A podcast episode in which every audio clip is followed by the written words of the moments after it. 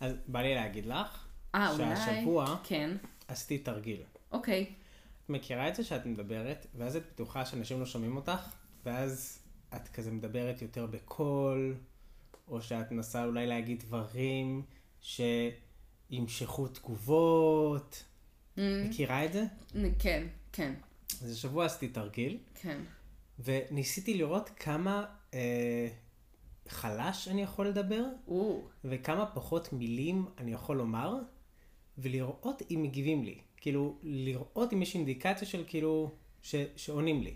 mm, את מבינה? כאילו מישהו מספר סיפור ויש כמה אנשים, ואז אני רק אשאל כזה, לא הבנתי, אתה יכול לחזור את זה שוב? אה, קרה? ולראות אם כאילו מגיבים לי או שלא. מה תוצאות הניסוי? התוצאות היו מעולות. אני חושב ששומעים הרבה יותר טוב כשמדברים בנחת ובשקט, וכשאתה לא בפרנויה שכזה מישהו איתך. וואי, תקשיב, שתדע שאחד החלומות שלי, כאילו השאיפות הלא זה שלי, זה שתמיד רציתי להיות מהאנשים שיש להם אה, כזה, מה שנקרא כריזמה שקטה, וואו. וכזה להיות בחורה אצילית כזאת, מאלה שמרחפות מעל פני הקרקע, וכזה אני עולה לאוטובוס, כולי גרייספולנס, וזה, ושאני רק מין כזה אדבר בשקט, וכולם כאילו... כזה היה ישו. אני לא איחד. כזאת, אתה יודע כמה זמן לקח לי להבין שזאת לא אני. עכשיו, אני לא מהאנשים שצועקים בהכרח, אבל כאילו, אני, אני, אי אפשר להגיד עליי כריזמה שקטה. אוקיי. אה, אמרתי שיש לך שאלת פתיחה. אה, כן, קודם כל, כן. ברוכים הבאים לספר במדבר. וואו, איזה מרגש. התחלנו ספר חדש. התחלנו ספר חדש. ספר שהוא במובן מסוים שונה לחלוטין מספר ויקרא. נכון, אבל במובן אחר לא שונה לחלוטין. אנחנו באותו מקום שבו היינו. נכון. אה, בתחילת הפרשה יש לנו רשימה של מלא שמות מהממים ויצירתיים. אה, אתה צריך לבחור אחד שאתה מוכן לתת לבן העתידי שלך. ושהוא לא יהיה ילד כאפות, או שזה לא משנה? אני לא יודעת, אתה תבחר. סבבה. צורי שדי, צוער בעין, פגיאל או פגיאל, פגיאל? למה קוראים לך פגיאל? למה אתה חושב שקוראים לי פגיאל? ואחירה.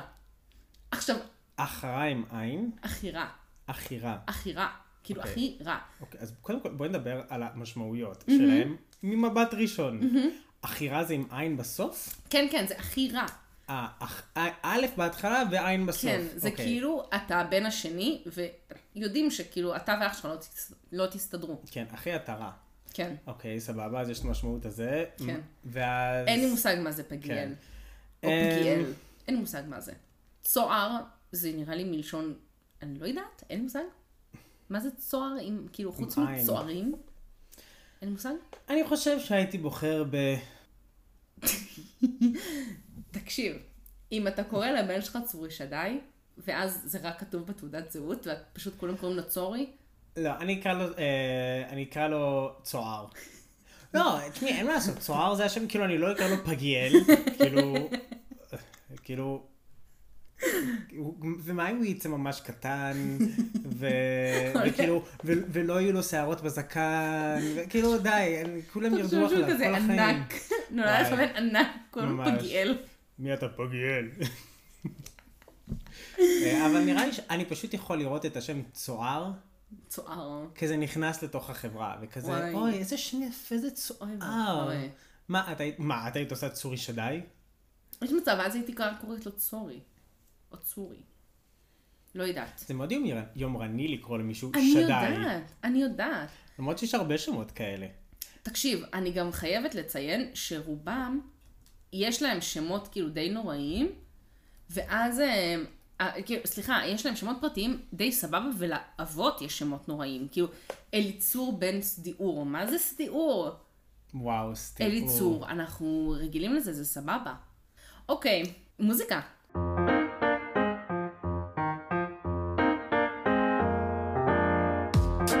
ברוכים הבאים להוקלט ביום חול. פודקאסט רנדומלי על פרשת שבוע.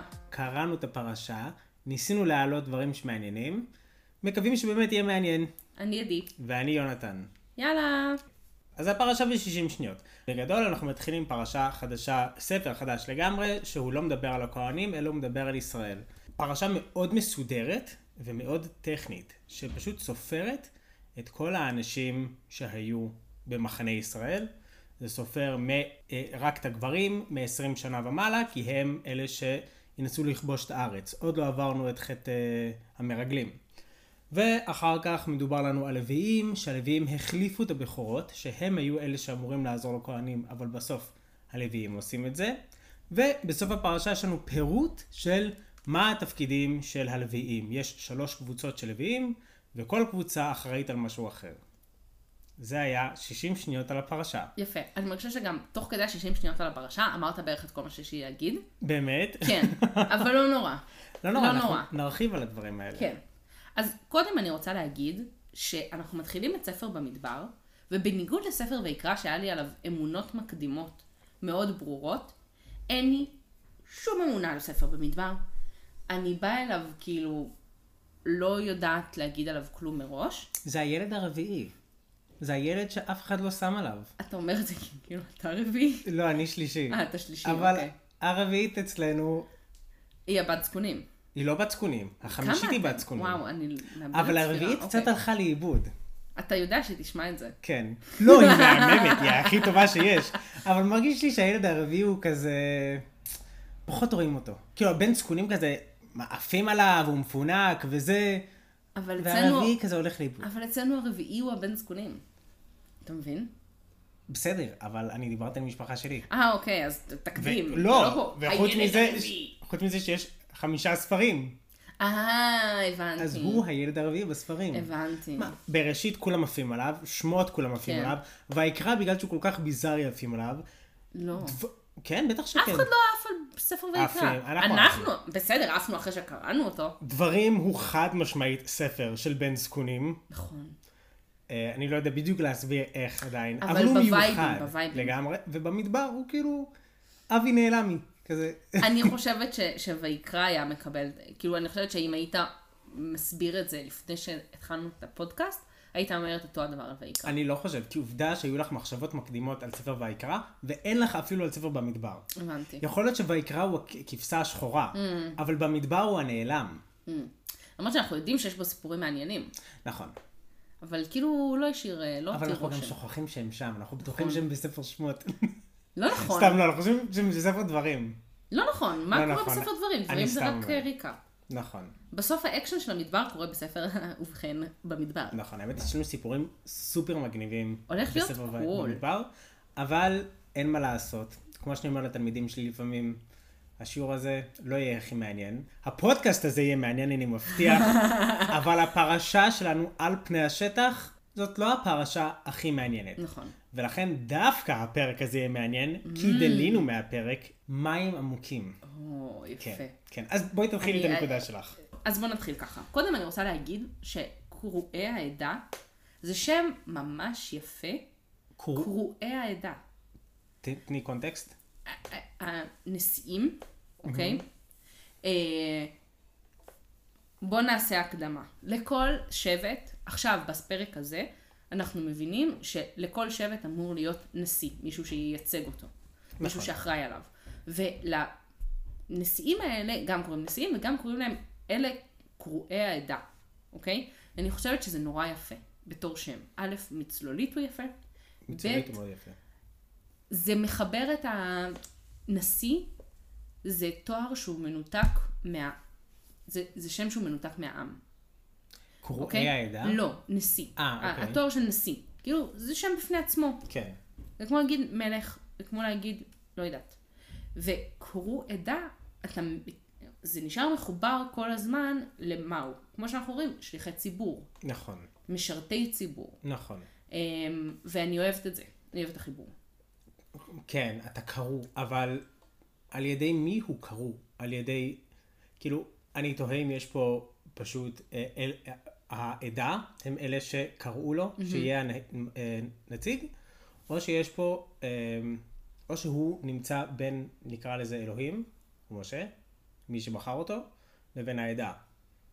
ואז הוא מין צינור ביניהם, כן. נכון? כי קרואי העדה, מי שקרא לו זה אלוהים, והמטרה שלו זה העדה, ואז הוא נמצא באמצע. אני חושב שבשני המובנים הוא, זה יפה. כן. כי בשני המובנים ההגדרה שלו היא התפקיד כן. של, שלו כלפי הציבור. לעומת, כמו שאמרת, נשיא, שכאילו נשיא זה, אתה הנשיא, אתה המלך, אתה במרכז. כלומר, השם זה סופר מגניב שהוא הצליח גם לקרוא לו משהו באופן אישי, וגם להבליט את זה שהוא בעצמו, זה לא הסיפור. כן. קול. כן, ממש יפה. אמ, וגם אני מרגישה שקיבלתי הסתכלות מחודשת על כל נושא המחנות. כשלימדו אותי, אני אפילו, אני לא זוכרת אפילו אם זה היה בתיכון או ביסודי, ששרטטו לנו מפה יפה כזאת על הלוח של איפה כל אחד יושב, והמשכן באמצע, ופה זה המחנה הזה, ופה זה המחנה הזה, נכון? יש לך בראש כאילו את השרטוט? כן, נו, אגב, נורא אסתטי. נורא כל אסתטי. הפרשה הזאת מאוד אסתטית. מאוד כי מסודרת. המשכן נמצא באמצע, ואז יש לנו שלוש, ארבע מחנות, נכון? אחד בצפון, אחד בדרום, אחד במזרח ואחד במ- במערב, והלוויים בתוך מעגל פנימי מסביב כן. למשכן. כאילו יצירת אומנות. הכל יפה נורא. מאוד. ואסתטי, ומסודר. נכון. מדהים. אבל פתאום בקריאה מחודשת, גם כל, ה... כל הנושא של הספירה, ושל המפקד אוכלוסין שעושים להם, וזה שסופרים מבין 20 שנה ומעלה, זה באמת כמו שאמרת, פתאום בפעם הראשונה שמתי לב שזה אשכרה פשוט הכנה למלחמה. כאילו, נכון. זה עוד שלב, ואני מרגישה שכל התורה היא בעצם השלבים השונים של ההפיכה לעם. אה, וזה עוד שלב. אם עד עכשיו מין טיפלנו בנושאים הרוחניים, בספר ויקרא גם עסקנו המון בעניינים המוסריים, ועכשיו אנחנו, בוא נרד ל... כאילו, בוא נרד לעניינים ארציים. אנחנו עכשיו מסדרים אתכם בצורה כזאת שאנחנו יודעים איך יוצאים למלחמה, אנחנו סופרים, אז אם, כשלימדו אותי את זה בתיכון ובחטיבה וביסודי, ואני לא זוכרת מתי לימדו אותי את זה, זה היה נראה מאוד פסטורלי, ומאוד הדגש על האסתטיקה, על הסדר של נכון. העם. עכשיו זה ממש התחדד לי שאנחנו פשוט מתכוננים למלחמה. אנחנו מתכוננים לכבוש את ארץ ישראל, ולכל אורך הספירה, כל פסוקי המפקד מאוד חזרתיים. כן. לא, לא, לא, לא, בסף, בפר, בשבט זה וזה, יש לנו כך וכך אנשים, בין 20 שנה ומעלה, כל יוצא צבא. נכון. עכשיו, אני גם זוכרת שבתור נערה זה מאוד עצבן אותי שסופרים רק גברים מגיל 20 שנה ומעלה. כל יוצא צבא, אני כזה, מה, מה? מה עם כל. השאר? מה עם הילדים? מה עם הזקנים? מה? כן. ופתאום אני אומרת, זה לא מקומם בכלל. זה מי שיוצא למלחמה. נכון. זה לא אומר כלום, ודווקא ההדגשה של החזרתיות הזאת, שזה שכל פעם אנחנו מדגישים, המספרים האלה, זה רק יוצאי הצבא. נכון. הרגיש לי פתאום כמו תזכורת, רק יוצאי הצבא, יש לנו עוד עם שלם. ובמקום, זה ממש הפך לי את כל ההסתכלות על הספירה הזאת של הגברים. Mm. ומעניין אם בעצם ה- כל הספירה הזאת, היא זאת שאחר כך גלגלה את הספירה שלנו של מה נשים יכולות או לא יכולות לעשות ביהדות. ונכון, אנחנו לא נספרות למניין, כל נכון. הדברים שבקדושה, כל הזה. נכון. צריך לבדוק את זה, אבל מה המקור של זה? זה לא המקור של את מי סופרים, ב, ב, כאילו, את אני מי לא יודע, סופרים אני לא? יודע בדיוק מה המקור, כי זו לא הראשונה, כי זאת לא הפעם הראשונה שסופרים. נכון. אמ, כן, זאת לא הפעם הראשונה שסופרים, וזה זה באמת מאוד מעניין, כאילו, מה שאת אומרת זה, זה יכול להיות שמדגישים מאוד את הזכר, מדגישים מאוד את ה-20 שנה ומעלה, אה, וההדגשה הזאת דווקא באה להגיד, יש עוד מלא אנשים. אז נכון, העלית איזה פער בין האסתטיקה כן, לבין זה שיוצאים למלחמה. ונכון, כן. יש, יש פער. לא, אני, אני לא חושבת שיש אפילו פער, אני פשוט חושבת, הפער הוא היה איך שסיפרו לי את זה, הבנתי. לעומת מה שגיליתי. אז אני חושב ש... אני מרגיש שכן, שכן יש פער, כי כל פעם שמראים את uh, המשכן, וכל פעם שמתארים את איך שכל הדברים האלה מוצגים בצורה חיצונית, mm-hmm. הם מאוד מסודרים ויפים. Mm-hmm. ואז בכל פעם שאנחנו נכנסים לסיפורים האנושיים, mm-hmm. הם לא מסודרים ויפים. Um, ואז עולה לי השאלה, האם יש פה צביעות? או שהאם יש פה דווקא משהו שאומר ככה, ככה הדברים, ככה, Mm-hmm. זה שבפן האישי או בפן הסיפורי האנושי דברים הם לא אסתטיים והם לא יפים והם לא כמו שתכננת, כאילו, הרי, זה כל התורה, לא? אלוהים תכנן, וכאילו נכון, כמו שאומרים כזה, האדם תכנן ואלוהים צוחק, אז פה זה קצת כזה, אלוהים מתכנן והאדם צוחק. אבל, אבל זה לא אומר שהדברים החיצוניים לא צריכים להיות מסודרים, ואני תוהה, מה המקום של הסדר החיצוני הזה? כי היינו יכולים להגיד, תפסיקו להיות צבועים, האדם הוא לא יצור מסודר, תפסיקו לנסות לעשות את הכל כל כך אסתטי יפה גם מבחוץ. למה שהחוץ לא, אה, לא ייצג את הפנים? דווקא אני חושבת ש... ממש אהבתי את הנקודה שאמרת שממבט מלמעלה, ואז כשנכנסים פנימה. כן. עכשיו, תחשוב נגיד אתה, אתה מסתכל על עיר. כשאתה נמצא בתוך רחוב, יש כאוס ובלאגן, ואנשים, והולכים וננה, וככל שאת, אם אתה עכשיו מצלם את זה מלמעלה, והולך ועולה ועולה ועולה, הדברים נהיים מסודרים יותר ויותר. זה אינהרנטית בעולם ככה. נכון. אמ, זאת, זאת פשוט תכונה של העולם, דברים מלמעלה נראים יותר מסודרים, יותר מאורגנים, אה, יותר מכוונים. אמ, אז א', יש את הנקודה הזאת, וב', יש את הנקודה שאחת מהסיבות שאני כל כך שונאת את מודיעין, לדוגמה, ואנחנו נפתור את זה עכשיו, סתם, אנחנו נפתור את זה, אבל זה שהיא מתוכננת יתר על המידה. עכשיו, זה שהיא מתוכננת גם לא טוב, זאת עוד סיבה. אבל מעבר לזה, לא נשאר שם שום מרחב לבני האדם שגרים בתוכה, ליצור בתוכה משהו חדש. זאת אומרת, למצוא שבילים חדשים. אה, ליצור תופעות עירוניות חדשות שלא תוכננו מראש. כן. ואז במקום כזה, זה העירוניות... סדר שחונק כבר. זה חונק, והעירוניות מתה. כן. והאנושיות מתה, והמפגש האנושי מת, כי אין איפה להמציא, אין איפה ליצור משהו מחדש. כן, אגב, אמא שלי מקשיבה לפודקאסט הזה והיא גרה במודיעין. רק שתהיי בעניין. אני, אין לי שום בעיה עם מי שאמרתי את זה כבר, אין לי שום בעיה עם מי שגר במודיעין, יש לי בעיה עם מי שתכנן אותה. כן. ואני חושבת שיש דווקא משהו בזה שמלמעלה אומרים לנו, קחו, זה, זה, זה מה שתכננו בגדול. אבל בואו עכשיו את השבילים הקטנים אתם תמציאו, שהוא מה שמאפשר בסוף לחיים לקרות. כאילו, יש, אני זוכר, אני, כשגדלתי בבית שמש, אז היה את השביל שהיו שתי שכונות מרכזיות, אה, שתמיד היינו, כאילו כל החבר'ה היו מסתובבים ביחד. אה, היינו הולכים משכונה אחת לשנייה ומהשנייה, עכשיו היה שביל מסודר ומאורגן, ואז היה, היה איזה מין שטח מת כזה, את יודעת, מקום שעושים בו מדורות, mm-hmm. ואז היה שביל שלא תכננו אותו, אלא פשוט אנשים הלכו בו. וזה מהמם, שבילים שנוצרים בגלל ההליכה של אנשים, נכון? כשאת הולכת נגיד בטבע, mm-hmm. ואז את רואה שביל שהוא לא נוצר מלכתחילה, אלא הוא מעין... תשמעי, זה קצת כמו נגיד במוח שלנו, נכון? ההרגלים שלנו שיוצרים שבילים בתוך המוח. כן. ואז אנחנו עושים אותם שוב ושוב. כן.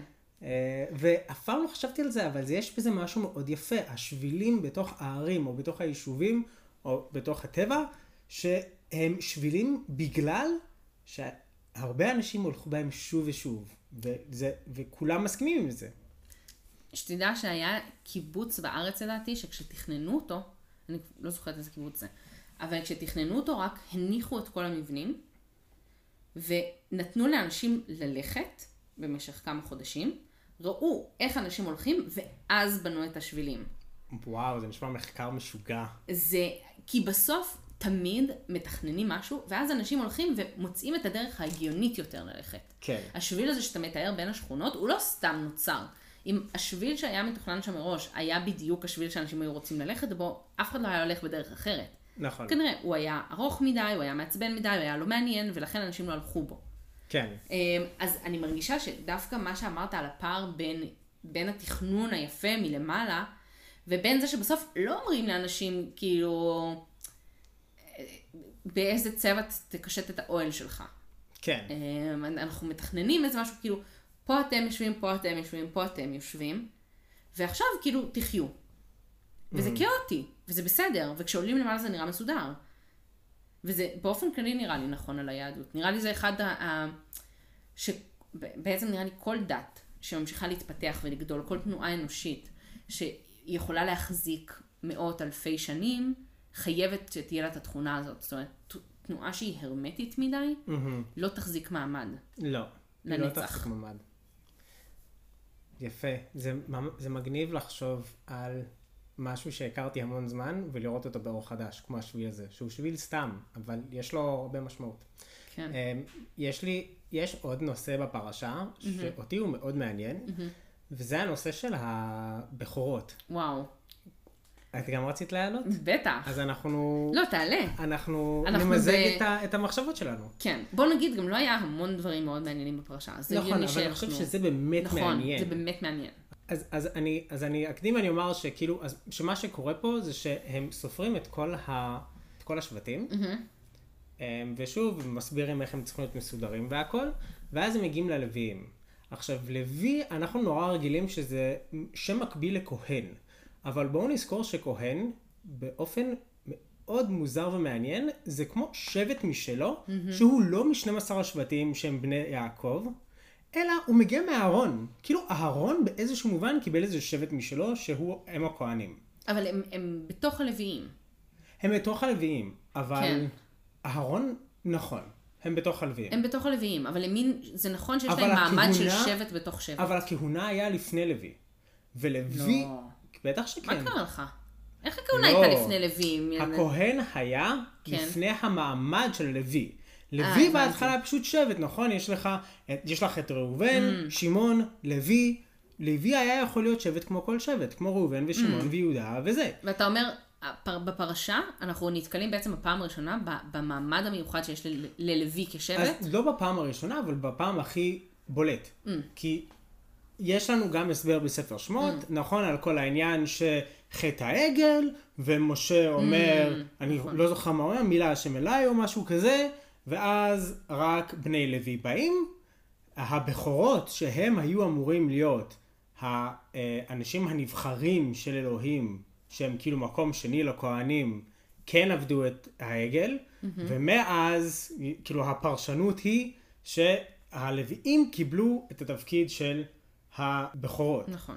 אבל בכור ואנשים משבט לוי זה שני דברים שהם שונים בתכלית. לא יודע, כל, כל הדבר הזה מאוד מעניין אותי. והשאלה העיקרית שלי, יש, כאילו אפשר להרחיב למלא מקומות, אבל השאלה העיקרית שלי היא, למה לדעתך התורה לא פשוט אמרה שהלוויים הם נבחרי האל, או אלה שמשרתים את הכהנים? למה היה צריך את כל הסיפור הזה, שקודם זה הבכורות, ואז הבכורות עבדו עבודה זרה, ואז זה עבר ללוויים? איזה, אני לא מבין איזה משמעות יוצאת לנו מהנרטיב הזה. של הלוויים הם בדיעבד משרתי הכהנים. Hmm. כשבעצם הבכורות היו אמורים להיות. קצת בשביל ענווה של הלוויים, שבגדול זה יוצר, אנחנו דיברנו על זה כבר, שכל המעמד של הכהנים ואז עכשיו גם של הלוויים זה ממש מעמדות ביהדות. נכון. ויש כן קצת הרגשה שכל הזמן מנסים לעשות איזושהי רגולציה על הדבר הזה, כדי שלא תהיה פה איזה כאילו התפוצצות אה, של אגו יותר מדי. ויכול להיות שדווקא התחושה של זה לא שנולדתם ככה, אלא זה ניתן לכם, שזה טיפה יותר, כאילו אתה, אתה טיפה יותר צריך להיות ראוי לזה. אה, אתה נבחר, אתה נבחרת על ידי המעשים שלך, גם אם זה של אבות אבותיך, ולא של, ו, וזה לא שנולדת ככה. כן. קודם כל אני מאוד מסכים, והמחשבה שהייתה לי מתחברת לזה כי קודם כל צריך לזכור שהתפקיד של הלוויים הוא באמת תפקיד של בכור. לכל משפחה יש את הבכור שלו, אהה. והוא לצורך העניין המוביל של המשפחה. נכון, נכון? נכון. ואז זה עבר ללוויים. עכשיו התופעה הזאת של העברה ללוויים זה לא הפעם הראשונה שהבכור הוא לא הבכור. כל Mm. ספר בראשית מלא באנשים, כאילו כמעט כולם, ספר בראשית זה ספר מרתק שפשוט אומר, יש חוקים, אנחנו לא הולכים לפיהם, נכון? אה, אה, ראובן הוא הבכור, זה עבר ליוסף וליהודה. נכון. עשו הוא הבכור, זה עבר ליעקב. ישמעאל הוא הבכור, זה עבר ליצחק. נכון. קודם כל יש פה איזה עניין שאומר, הבכור הוא בדיפולט זה שאמור להיות המנהיג, אבל אם הוא לא ראוי, אז זה יכול לעבור. Mm. כלומר, התפקיד הוא יותר חשוב מהמעמד. כן. דווקא הקטע הזה של לראות כל הזמן איך אנחנו מעבירים את הבכורה, א', נראה לי שזה משרת לנו קצת את ה mindset היהודי של האנדרדוג, שאנחנו תמיד בעד מי ש... הם- אנחנו תמיד גם מרגישים שאנחנו צריכים להילחם בשביל להשיג את כל הדברים, אנחנו לא לוקחים יותר מדי ברצינות אה, דברים מולדים, כאילו חוץ מיהדות, שאנחנו לוקחים את זה מאוד ברצינות. מאוד. אבל אה, אה, אנחנו לא מאוד טובים עם סמכות, ויש לנו מנטליות של אנדרדוג. עכשיו זה... אין לדעת אם יש לנו מנטליות של אנדרדוג כי זה טבוע בנו ואז אנחנו, זה נבואה שמגשימה את עצמה, או שבגלל כל מה שעבר עלינו בהיסטוריה אנחנו תמיד חושבים שאנחנו האנדרדוג, אבל זו נקודה מעניינת. אני כן חייבת לציין שלקחת בכורים ולתת להם את התפקיד של הלוויים, זה הרבה יותר הגיוני מלקחת שבט רנדומלי ולהגיד, או, אתם, קחו. את מתכוונת את הלווים הבכורים. ולתת להם את של ה... לא, אני חושבת שבכורים זאת בחירה הרבה יותר הגיונית. לבכורים יש תכונות אינהרנטיות משותפות. שאתה אומר, זה אופי של בכור. נכון. כאילו, אתה מגיע, אתה מגיע לעולם עם, עם קצת תחושת אחריות וללכת בתלם ולרצות את כולם ולעשות מה שאומרים לך, ושבט לוי לא מגיע עם איזה סט תכונות מסוים. כאילו, אולי כן, אבל הוא לא אינהרנטי. אני מאוד נכון. מבינה את, ה, את הנושן המקורי, את הכוונה המקורית, בלתת איזשהו תפקיד לבכורים. כן. יש גם משהו מגניב בזה שלכל משפחה, או לכל כן. משפחה שיש לו בן ראשון, יש לו נציג. כן. זה, אבל זה באמת נראה לי מאוד לא מותאם לעולם של אז. זאת אומרת, איך זה, איך זה היה מתנהל? אתה מבין? אתה לוקח כל בכור ממשפחה, א', זה היה גדל אקספוננציאלית, נראה לי יותר מאשר שבט אחד, אבל צריך לבדוק שזה מודלים של כן, גדילה, אבל אני לא חושב אני שזאת לא יודעת. בעיה, כי אז פשוט עושים משמרות. זה לא באמת כזה משנה. כן, לא, לא, כי לשבט לוי אין נחלה, נגיד. כן, אבל זה מבין? בדיעבד, כי לבכורות היה אמור להיות נחלה, הם פשוט היו חוזרים לנחלה של נראה אבותיהם. לי. למה לא? לא יודעת. האמת היא שזה מעניין איך לא זה היה, אם זה היה... אנחנו לא יודעים. נכון. אז ללוויים אין נחלה, וגם בסוף יכול להיות שיש איזושהי לכידות של שבט שמאפשר לך, יש אולי סמכות יותר ברורה, וזה מבנה פחות מבוזר. תחשוב שאתה מגיע מכל שבט, אז אתה שם בן אדם שיש לו אוטומטית מחויבות לשני גורמים, גם למשפחה שלו ולשבט המקורי שממנו הוא מגיע, וגם לעבודת המשכן או לעבודת ההנהגה או מה שזה לא יהיה. איך שלא נפרש את הדבר הזה. עכשיו, יש בזה גם משהו חכם, כי אז זה יוצר איזושהי לכידות בעם, ויכול להיות שכל מיני דברים שאנחנו רואים אותם קורים מאוחר יותר, לא היו קורים, כי היה איזשהו דבר משותף שכל השבטים ביחד אחראים עליו. מצד שני, יכול להיות שזה, להפך, זה רק היה יוצר בלאגנים. אבל אני כן... אין לי מושג מה יותר חכם. כן, אני גם לא. זה גם לא כל כך משנה. אני חושבת שהרעיון הזה של, של בכורים כנושאי תפקידים, זה לא קשור לזה שאני בכורה, הוא מעניין. הוא ממש מעניין. אמ, וזהו. את חושבת שאת היית נשארת בכורה? או שהיו מעבירים את השרביט למישהו אחר מה במשפחה זאת שלך? אומרת? כמו שאמרנו, הבכורה לאו דווקא צריכה להישאר אצל הבכורה. הבכורה, קודם כל את לא בן, לחלוטין. אבל עזבי את זה. את לא בנטה. אמ, סתם, אני- זאת לא, שאלה לא, מה לא. זה אישית. לא, אבל א', אני חושבת שבגדול אני אחת הבכורות הכי בכורות שיכולות להיות. אמ, אני חושבת שזה קצת קשור לזה שאני בת. אה, בנות לוקחות את זה קצת יותר קשה. כ... בהכללה. יכול להיות. אמ, יש לי על זה מחקרים שלמים, אני אשמח להעביר אותם.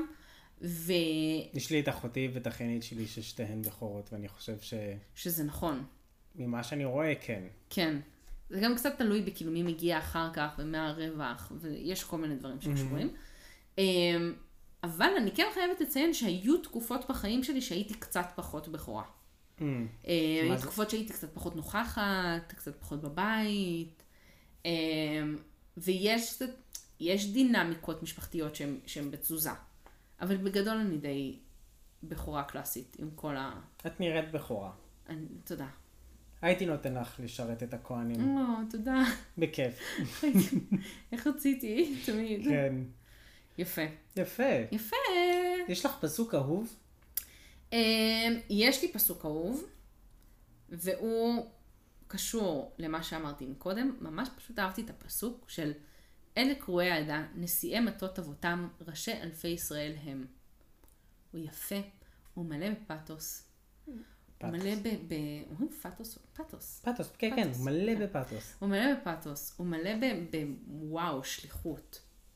זה יפה מאוד. וקרואי. קרואי. כמו קרואלה. כמו קרואלה. את יודעת שהשורש קרואלה העדה. קרואלה זה קר"א. נכון, כן, נכון. יופי. יפה מאוד. יפה מאוד. אז אה, סיימנו את פרשת במדבר, נכון, אה, בספר, ה- בספר במדבר. בספר במדבר. ואנחנו, אני מאוד סקרנית לראות איך יהיה הספר הזה. גם אני. מרגיש לי סיפור אחר לגמרי. מרגיש לי שיהיה מעולה וכיף ומעולה. ומרגש. ומרגש, וואו. זאת המילה. וואו. יאללה, שבת שלום. שבת שלום עדי. ביי. ביי.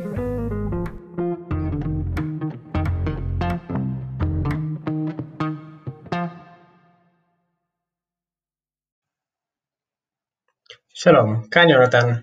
בשבוע שעבר הקלטנו את הפרק לפני שכל מה שקורה עכשיו קרה, וכמובן בלי שידענו שזה הולך לקרות. מרגיש לנו מוזר ואפילו קצת תלוש להעלות את הפרק סתם ככה, ועדיין אנחנו מעלים כי חשבנו לשמור על השגרה ועל הרצף של הפרשות. אנחנו מקווים שדברים יחזרו להיות כפי שהם היו, או אפילו יותר טובים, ומקווים שתהנו מהפרק. תהנו!